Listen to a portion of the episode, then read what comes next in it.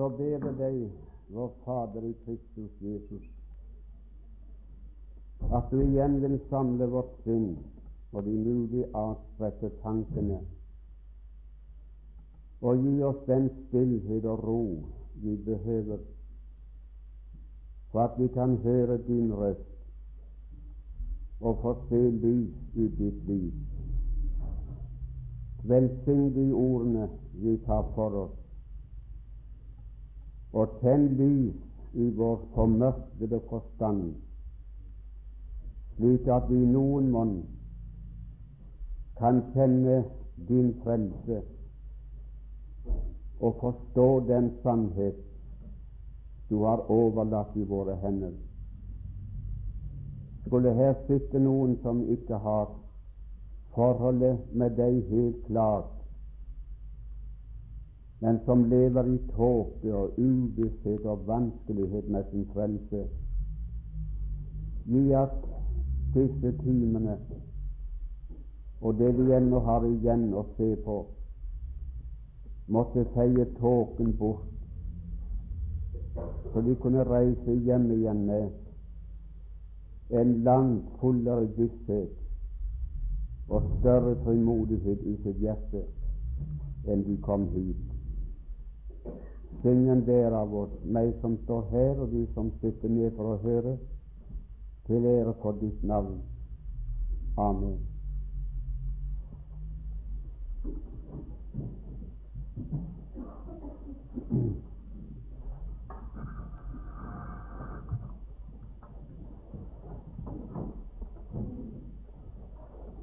Ja, nå skal jeg ikke si noe mer med hensyn til selve forlikelsen, verken slik som den var i den gamle pakt, eller som den foregikk i den nye pakt ved Kristi død. Vi får nå overlate til Den hellige ånd at det vi har lest om det og sett på til nå, må bli klarere for dere etter hvert. Jeg håper det kan gå med noen av dere som er en av elever som gikk her for flere år siden. Vi gjennomgikk den gangen brevet til efeserne.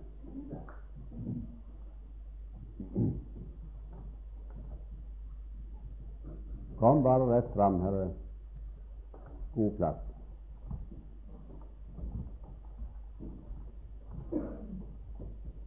Vi har nettopp startet, så det har ikke tatt noe ennå.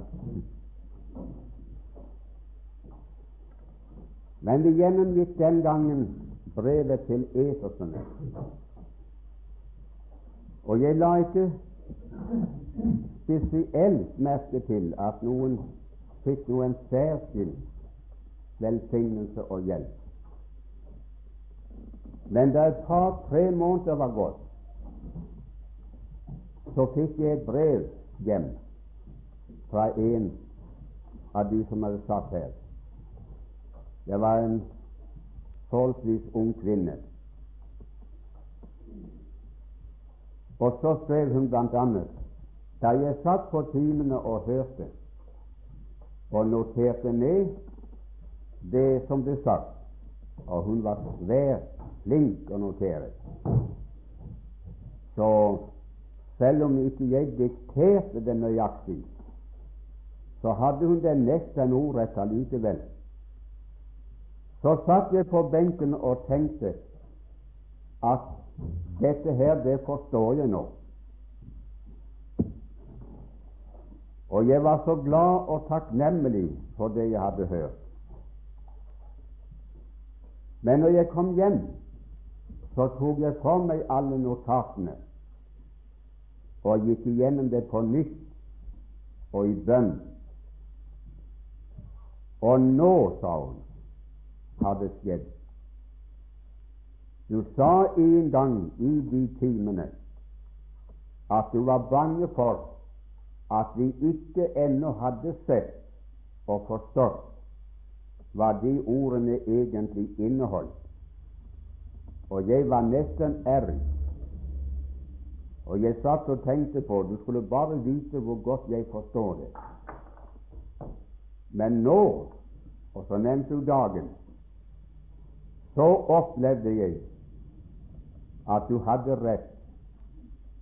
Jeg hadde på en, en viss måte forstått det med hodet, med tanken. Men i virkeligheten var det ikke erkjent og forstått med mitt hjerte.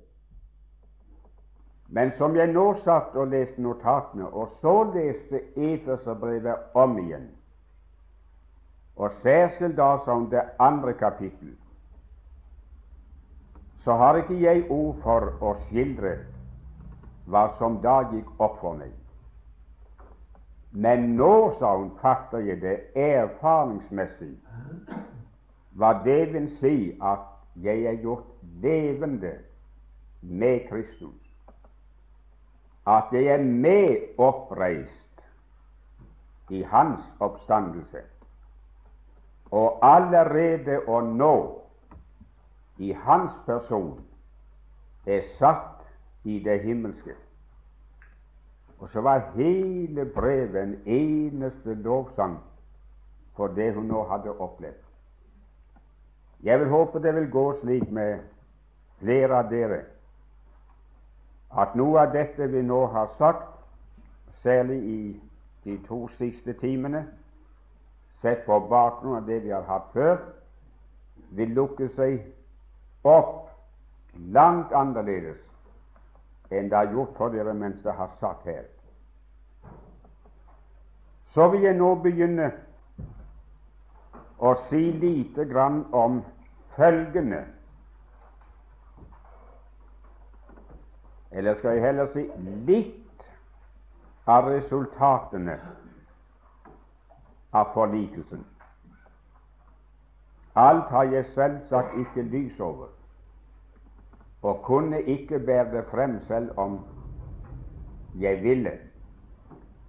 Men selv av det jeg tror jeg har sett, kan jeg neppe få ta med alt.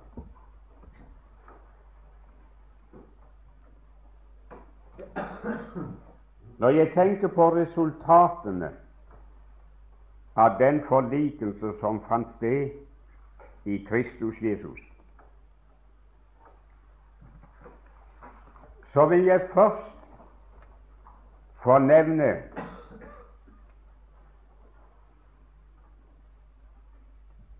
at den første og vesentligste følge, den er på Guds side. Den angår i en forstand ikke oss.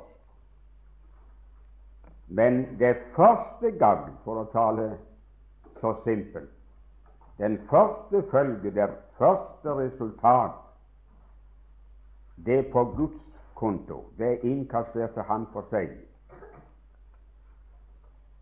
Og hvis ikke det var tilfellet, og i full orden, så ville heller aldri vår frelse ha blitt fullkommen.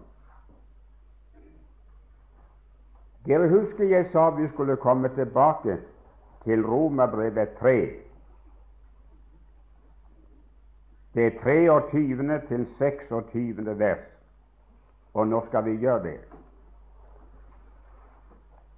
Da bare påpekte jeg at nådestolen i den gamle pakt den var et bilde på en avskygning av Kristus Jesus i hans død. Nå skal vi se på det litt nøyere. Vi leser først versene sammen. Jeg tror ikke, La meg si det først. Jeg tror ikke, venner, det finnes et avsnitt i hele Testamentet som har betydd, og nå betyr mer, for min tro og mitt kristne syn er nettopp det som jeg vil peke på i disse versene. Det gikk mange år før jeg hadde det minste gagn av det erfaringsmessig. Men når det luktet seg opp for meg, så ble det så å si alt. Alle har syndet og fattes Guds ære. Det har vi talt om. Og de, disse som har syndet, og syndet til gangs, slike som der ikke finnes noe godt i, som er avvæpnet og hvis strupe er som en åpnet grav.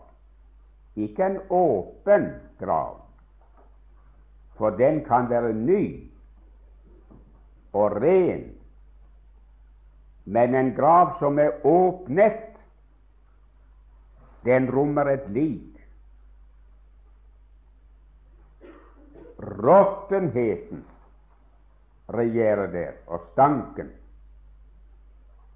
Og her står det i, uh, i versene foran, i vers 13, at deres strupe er en åpnet grav.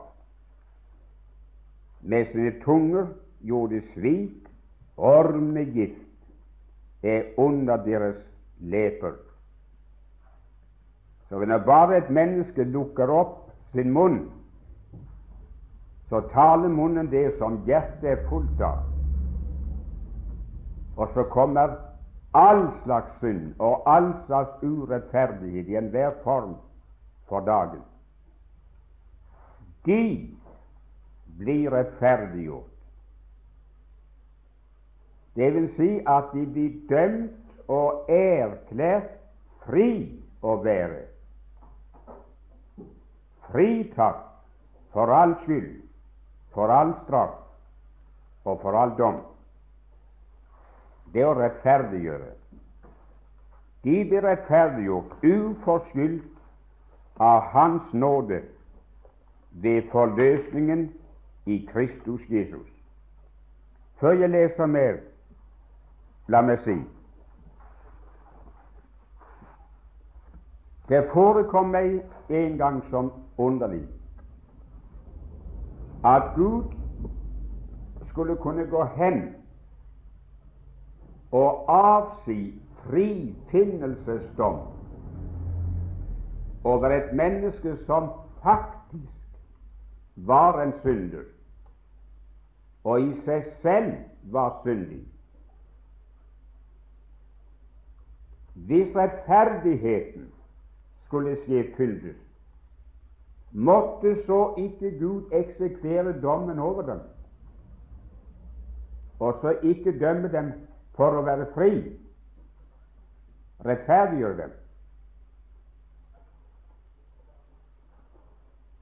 Det forekommer nesten som om Gud så gjennom fingrene på synden og det hele, og så ikke tok det så nøye. Og sa ja, jo, jo, jo, det er riktig, du har syndet, men uh, jeg skal tilgi deg. Jeg skal tilgi det. Så, så, så glemmer vi det, og så skal vi ikke snakke mer om det så skal du slippe straffen.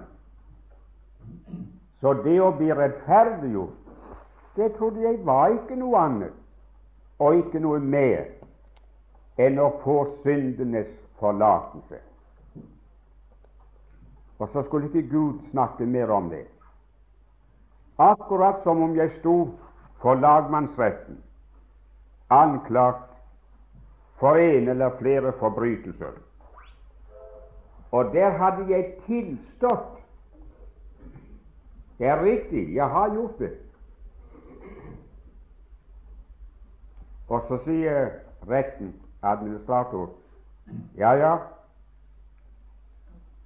dette her er i grunnen svært.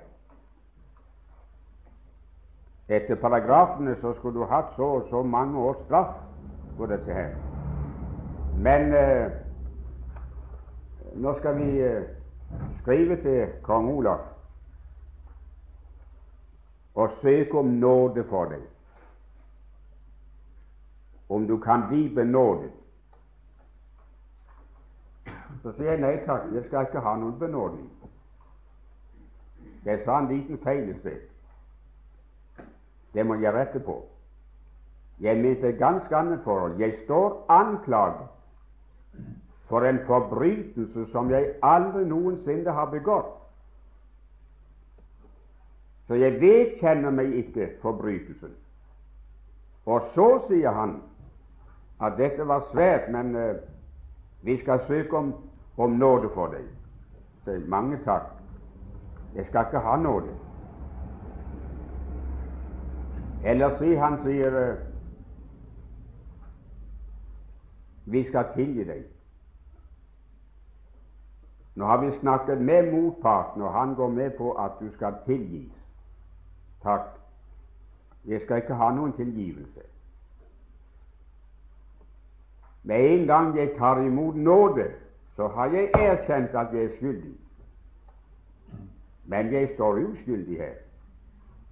Anklagen medfører ikke riktighet. Og tar jeg imot tilgivelse, så har jeg også erkjent at jeg er skyldig. Så spør administrator unnskyld, hva vil de ha da? Jeg vil ha rettferdiggjørelse. Ikke nåde, ikke tilgivelse, men jeg skal ha rettferdiggjørelse. Og hva ville det være? Det var at retten, rettens representanter, avsa en dom over meg som lød på han er uskyldig. Vi finner han ikke skyldig i noe av det han har stått anklaget for.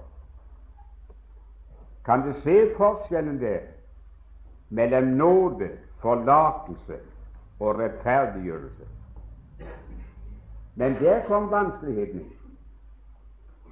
Innenfor Gud, altså mennesker, den menneskedomstol, den kan bare rettferdiggjøre den som beviselig er uskyldig. Er han skyldig, straffskyldig, kjennskyldig, så kan mennesker ikke rettferdiggjøre ham. Da er det spørsmål om benådning eller tilgivelse, men ingen rettferdiggjørelse. Men når det nå gjelder vårt forhold til Gud, så er vi ikke uskyldige. Men vi har syndet og fattes Hans ære. Og vi vedgår og tilstår at vi er skyldige. Finnes det da noen mening i at Gud går hen og avser frifinnelsesdom over oss? Erklærer oss for å være uskyldig og fri å være? Vil ikke Gud da selv begå en urettferdighet?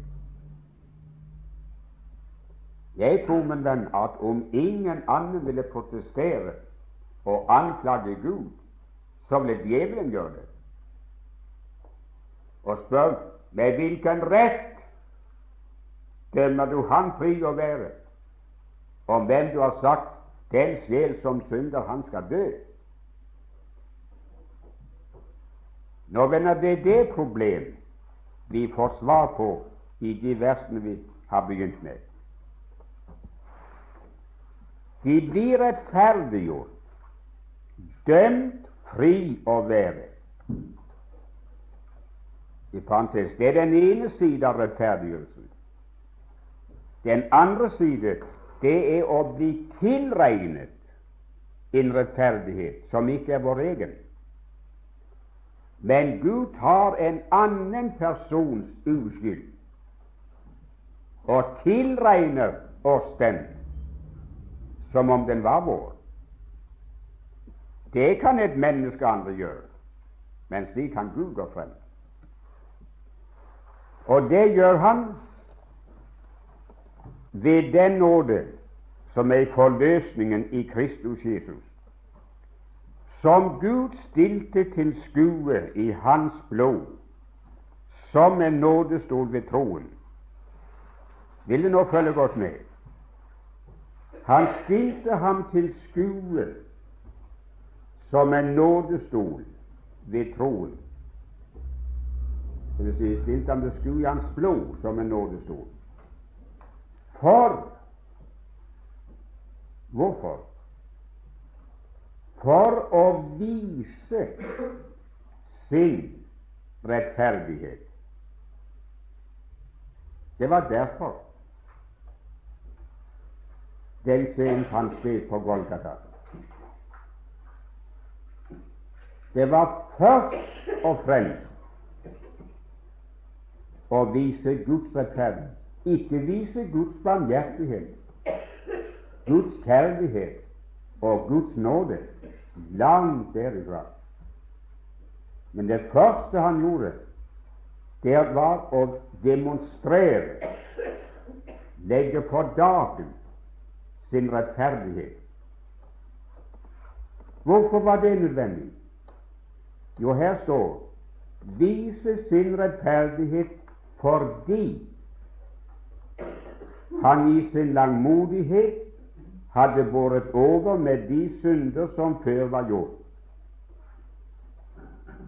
For å vise sin rettferdighet i den tid som nå er, merk, slik at vi kunne bli rettferdige vi som tror på Jesus Kristus.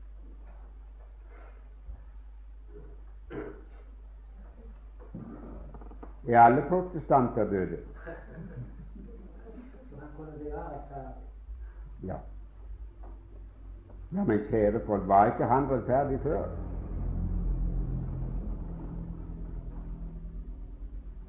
Jo visst var han det. De skjønner øyeblikk, venner, at vi står overfor Jeg har nær sagt noe vanskelig. Noe som for ved og forstand nesten utilgjengelig. Det beror på en Guds ånds åpenbarelse og fatte meningen. Han viste sin rettferdighet, ikke sin nåde og kjærlighet, i den tid som nå er, for at han kunne være rettferdig og gjøre den rettferdig som har troen på Jesus. Nå, han hadde båret over med de synder som før var gjort. Gud sa før fallet var en kjensgjerning den sjel som synder, skal dø. Vel, så syndet våre første foreldre, men de fikk leve. Og i stedet for å sende dem til helvete, så fikk de et løfte om en frelse. Deres barn syndet, og syndet grovt. Syndet inntil hele jorden var fylt med vold, og Gud bedrøvedes over dem i sitt hjerte slik at han utslettet den da levende slekt. Men han sparte åtte. Han bar over med åtte og lot slekten fortsette i verden. Og de var ikke før kommet ut av arken etter syndfloden, og hadde ikke før reist et alter og takket ham begynte de å synde igjen. Men Gud var over. Lot dem fortsette. Så tok han ut et spesielt folk, nemlig Abraham, jødenes stamfader, og ga de ifølge Sajas fem de beste og gunstigste forhold som kunne gis et menneske for å bære frukt for Gud. Men i stedet for å bære frukt for Gud, bære gode frukter, står det så ba de ville. De syndet og syndet og syndet. Gud var over. Han rørte litt på seg på ikke bare på Noah-dagen, men på Abrahams dager, og utslettet to byer. Slo sådan vidt i bordet og sier 'Pass på, jeg lever'. Men de andre fikk fortsette. Jeg undres på hvem det var, var kjeruber, serafer og engler makten ned og myndigheten ned i himmelen.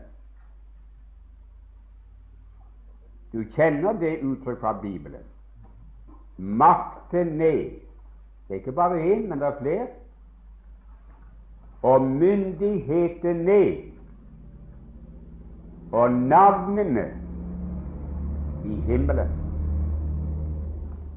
Og en makt og en myndighet det er instanser som har noen ting å si. Du og jeg er ingen myndighet. Vi er ingen rettsinstans som selv Gud må ta hensyn til. Hva har de maktene og myndighetene tenkt om Gud? De hadde hørt han sa den som synder, skal dø. Så synder de, men dør ikke sparer dem, bærer over med de synder som før var gjort, eksekverer ikke den endelige dom over dem. I stedet for det så tar han noen uskyldige dyr og bekjenner folkets synd over de og slår de i hjel. Og så får de fortsatt leve det året. Og når et år er gått, så er det på'n igjen. Skal et annet stakkels dyr, som ingen synd har gjort, gi sitt liv for det årets synder. Og de fikk leve. Og hva hadde djevelen tenkt? Hvor blir det av hans rettferdighet? Er han rettferdig i det hele tatt? Er han ikke en sådan gammeldags god bestefar, litt avfeldige, som sitter borti ovnskroken og ser på barnebarna sine? Og hvis uh, foreldrene vil tukte og refse dem for noe galt, ja, så nei, nei, nei, nei, du må ikke gjøre det. Du må huske på han er liten. Han forstår ikke bedre. Så bær over med å klappe stakkar. Han skulle selvfølgelig ikke ha gjort det, men eh, men må være snill med han. Sådan så Gud ut i de forrige tider. Han bar over. Det var ikke noe alvor i dette her at de skal dø. Nei da. Det var bare en sånn skremsel. Det lå ingen realitet bak ordene. Men hva de har tenkt og ikke tenkt, venner, så har Gud i alle de årene, alle de seklene, sett frem til Golgata og tenkte Vent litt, vent litt til tidens fylde, så skal jeg stevne dere inn på Golgata. Og da og der skal jeg ikke vise min nåde, min barmhjertighet og miskunnhet, men jeg skal vise, legge for dagen, åpenbare mitt vesen, min rettferdighet, når det gjelder synd. Og når den mannen han nagde til kors, Jorden under ham skalv. Solen ble mørk, og Gud vendte sitt ansikt ifra ham. Og han skrev i mørket, Min Gud, min Gud, hvorfor har du forlatt meg? At Peter har forlatt meg, at hele disippelflokken har forlatt meg, og de mange, mange, mange andre som, som lovpriste meg når jeg gikk fritt, at de har forlatt meg, det er forståelig. Men hvorfor har du gjort det?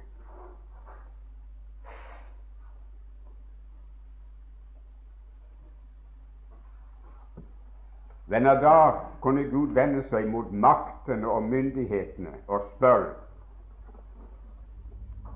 er rettferdig? Bærer jeg nå over med synd?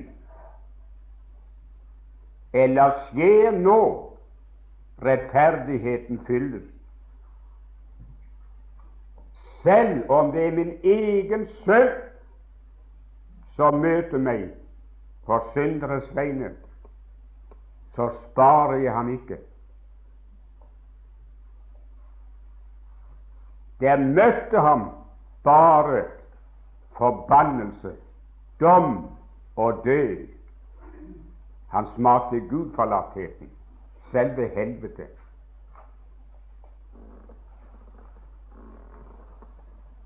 Og så står det i Kolossenserbrevet 2 er det det 14. vers? 15. vers, 15. vers, ja. Et vidunderlig ord.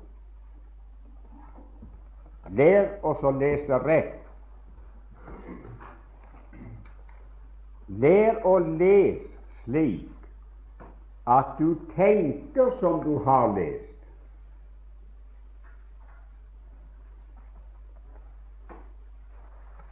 De aller fleste troende de leser innabords og leser korrekt. Står så. De har ikke før lagt boken sammen og begynner å tenke angående sakene. Så tenker de helt annerledes. Da tenker de å dra sine slutninger ut ifra seg selv. Så går alt i sår. Men hør nå han avvæpnet han avvæpnet makten ned og myndigheten ned.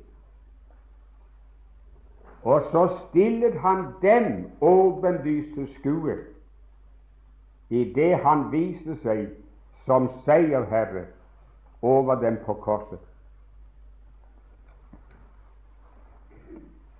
Hvis jeg hadde hatt innvendinger å gjøre imot Guds handlemåte, så frabrister han dem alle innvendingene. De hadde ikke mer de skulle ha sagt.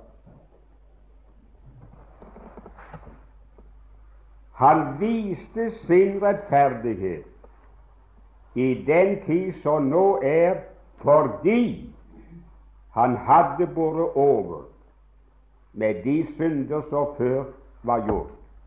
Og det gjorde han for at han kan være rettferdig.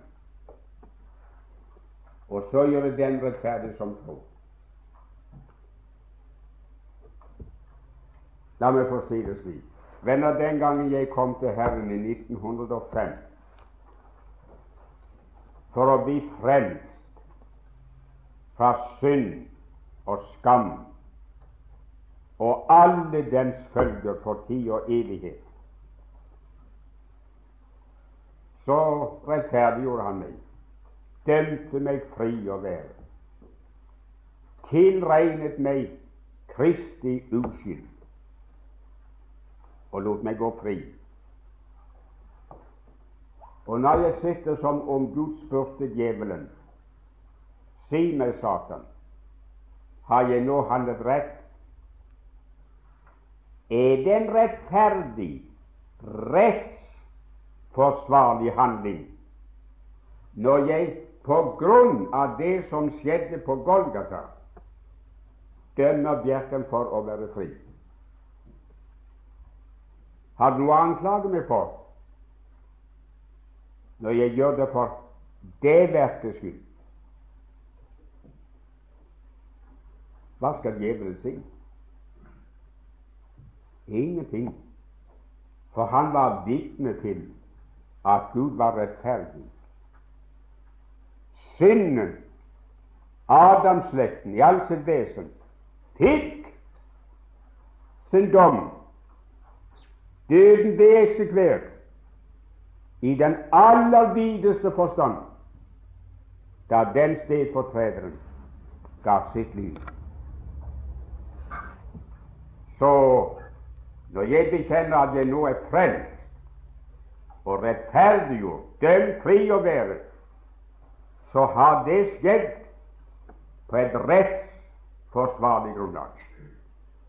Men hva gjaldt det meg om Gud hadde tilgitt meg, gitt meg nåde, spart meg, latt meg gå fri og sagt du skal slippe? Når det viste seg til slutt at Gud hadde ingen rett til å la innskyldige gå fri, da ville det hele ramlet i grus. Og Gud ville ha vært like fortapt som jeg var fortapt. Men Gud har lagt tingene sånn til rette, min venn, i sin evige visdom, at Han er uangripelig når Han gjør den rettferdig som har troen på Jesus. Det er der det er fast grunn under føttene.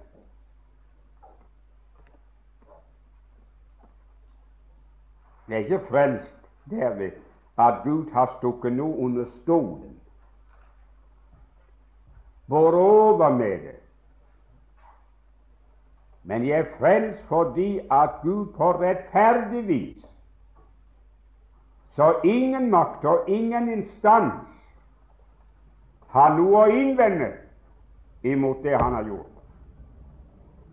Han har frelst meg i en annen person.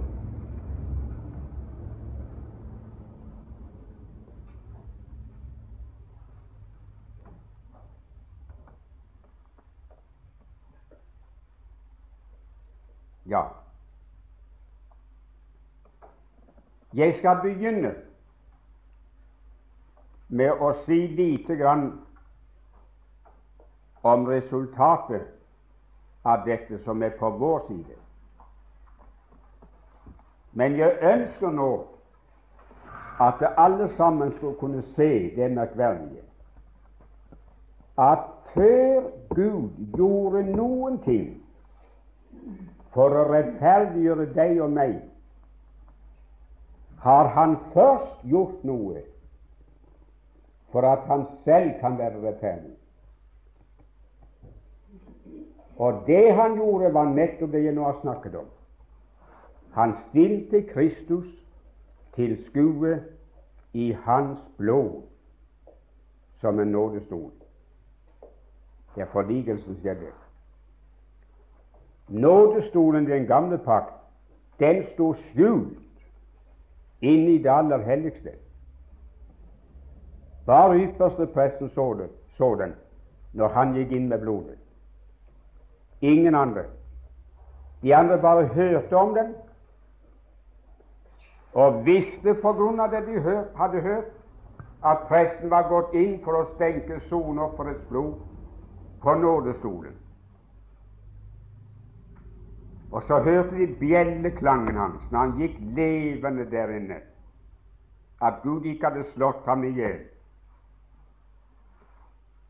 Og så levde de menneskene, venner, i tro på noe som var skjedd i det aller helligste, som de aldri hadde sett. Jeg bare hørt om det.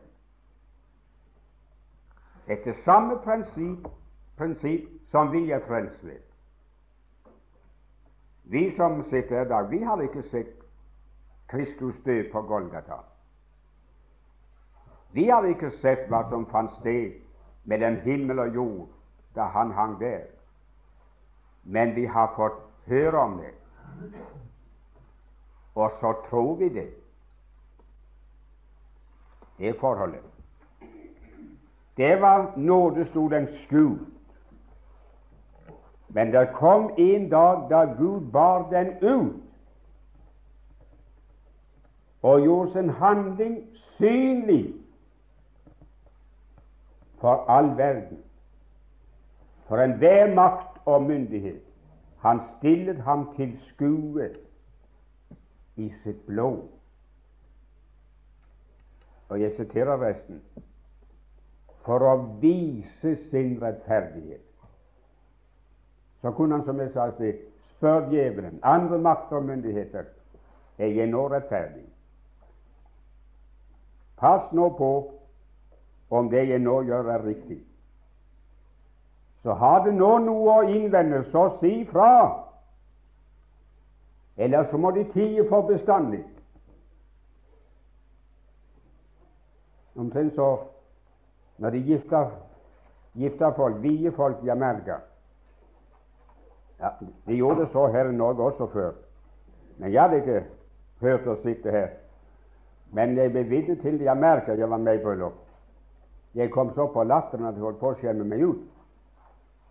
Der sto bruden og brudgommen for eh, Ja, det var ikke alterring i den kirken, men de sto der oppe. Og så hadde presten fått ringene deres.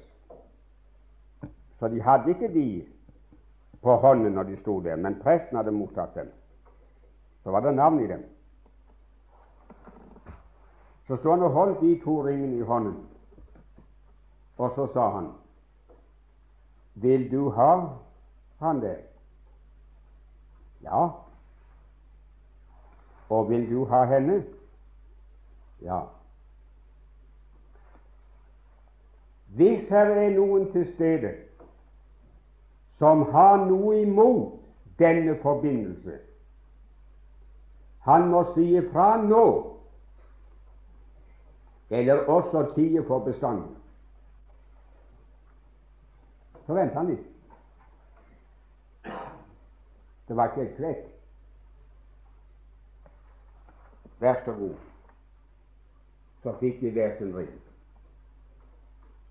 Og så erklærte han den for rette ektefolk å være.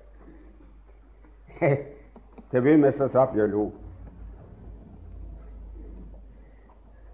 Og etterpå satt jeg og tenkte på det som skjedde på Golgata, og syntes å høre Gud sa til hver instans, makt og myndighet har du nå noe å innvende, så si fra nå! Eller så hold kjeften for bestandig.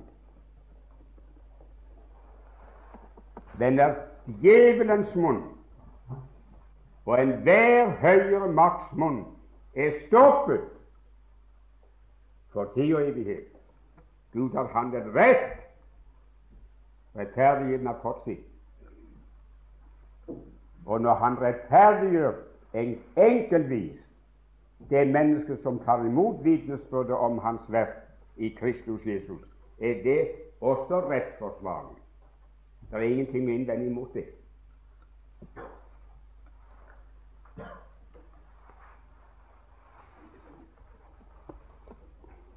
Nei, jeg tror ikke vi skal gå lenger. Så holder vi ruten for en gangs skyld. For skal jeg begynne på det andre, så river jeg det så i stykker. Dette var altså lite grann av det resultat som foreligger for Gud av den forlikelsen. Han har vist seg å være rettferdig, og han er rettferdig og kan nå gjøre den rettferdig som tror på Jesus Kristus. Jeg vet ikke om det merker uttrykket når jeg alltid når jeg snakker om slike ting, bruker gjerne uttrykkene 'det verk som Gud har utført i sin Sønn'. Jeg bruker ikke til vanligvis å si 'for Jesus skyld'. For det verks skyld som Jesus utførte på Golgata. Jeg gjør ikke det. Det venner, det som skjedde på Golgata, det var ikke Jesu verk. Det var Guds verk. Vi leste Johannes brev, husker dere i går, at i dette er Guds kjærlighet åpenbar. At Han sendte sin sønn til verden for at vi skulle leve ved ham.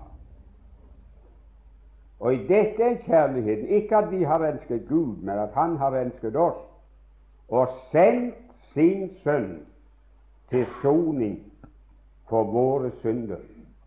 I dette er kjærligheten.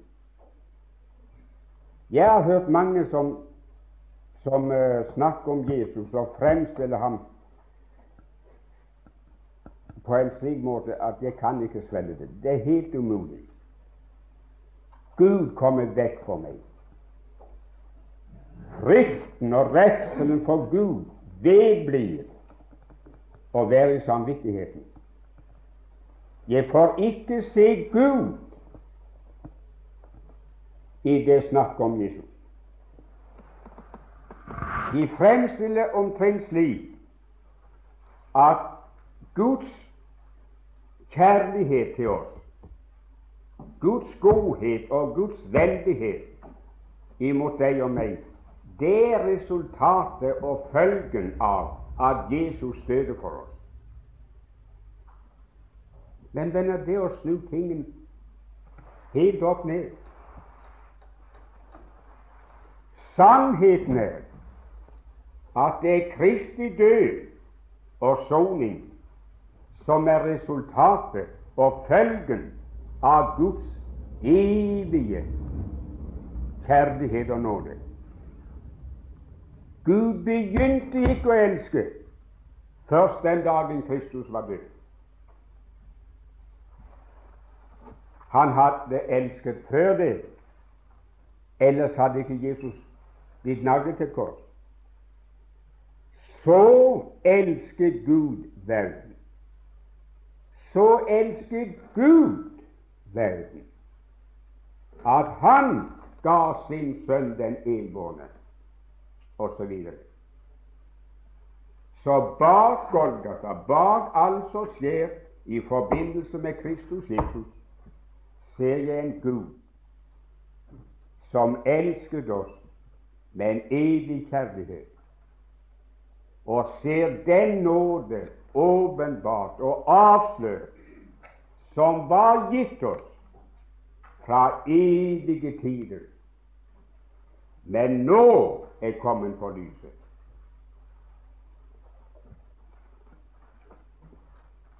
Der sto en la meg slutte med det. Der sto en predikant i et hus, privathus på landet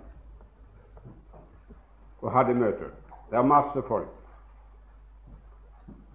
Huset var stort, det var to svære stuer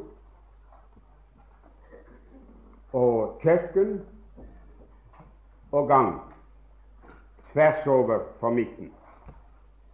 Og ut på den ene stuen det var et stort kammer. Og det var da så ut på den andre stuen. Og samtlige rom var fulle av mennesker. Og for at alle skulle høre best mulig, så sto han i gangen og talte. Og så kom han til å si Han kom inn på dette om, om forsoningen og frelsen i Kristus Jesus. Og så sa han For at vi skal forstå bedre det jeg nå snakker om, skal jeg bruke et bilde.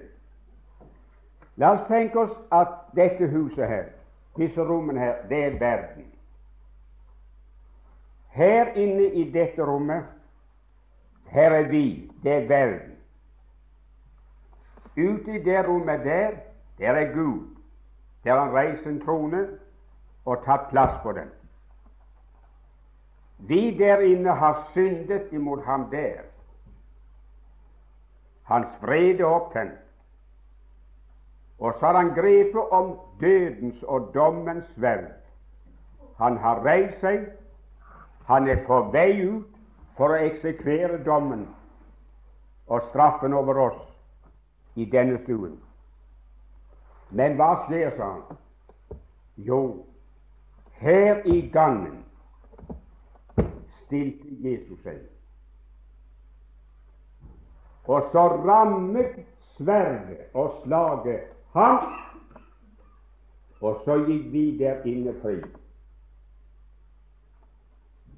Var ikke det stort, folk? Og mange syntes det var så stort at de gråt. Og nei og nei enn den velsigna, snille Jesus. Han som kom i veien for Gud, så han ikke fikk fullbyrde sin hensikt å slå oss i hjel der inne. Hadde så brennende lyst, og så brukte av oss og sagt unnskyld. Det du nå har sagt, det er korrekt. Jeg er med på det at vi der er verden, og at vi har syndet mot den Gud. Og jeg er med på det at Han har tatt dommen så dødens sverd og så skal dømme oss. Jeg er med på det. Men det er halvpart, og jeg er med på det at slaget rammet Jesus her i gangen. Men det er halvparten av evangeliet. Takk skal vi nå få resten, sa det, vil jeg ha sagt. Og hadde han så spurt meg hva er resten, ville jeg bare ha svaret. Vil du være så vennlig å opplyse oss om hvem var det som fikk Jesus til å stå i gangen? Var det hans eget påfunn?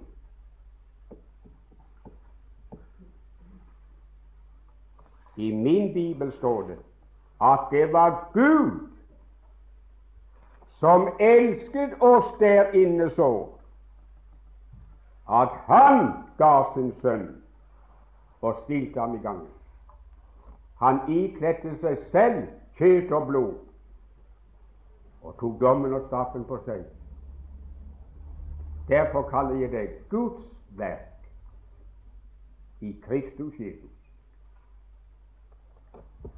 Og Derfor står det også i Bibelen Si Gud og Faderen takk for alle ting i Kristus Jesus.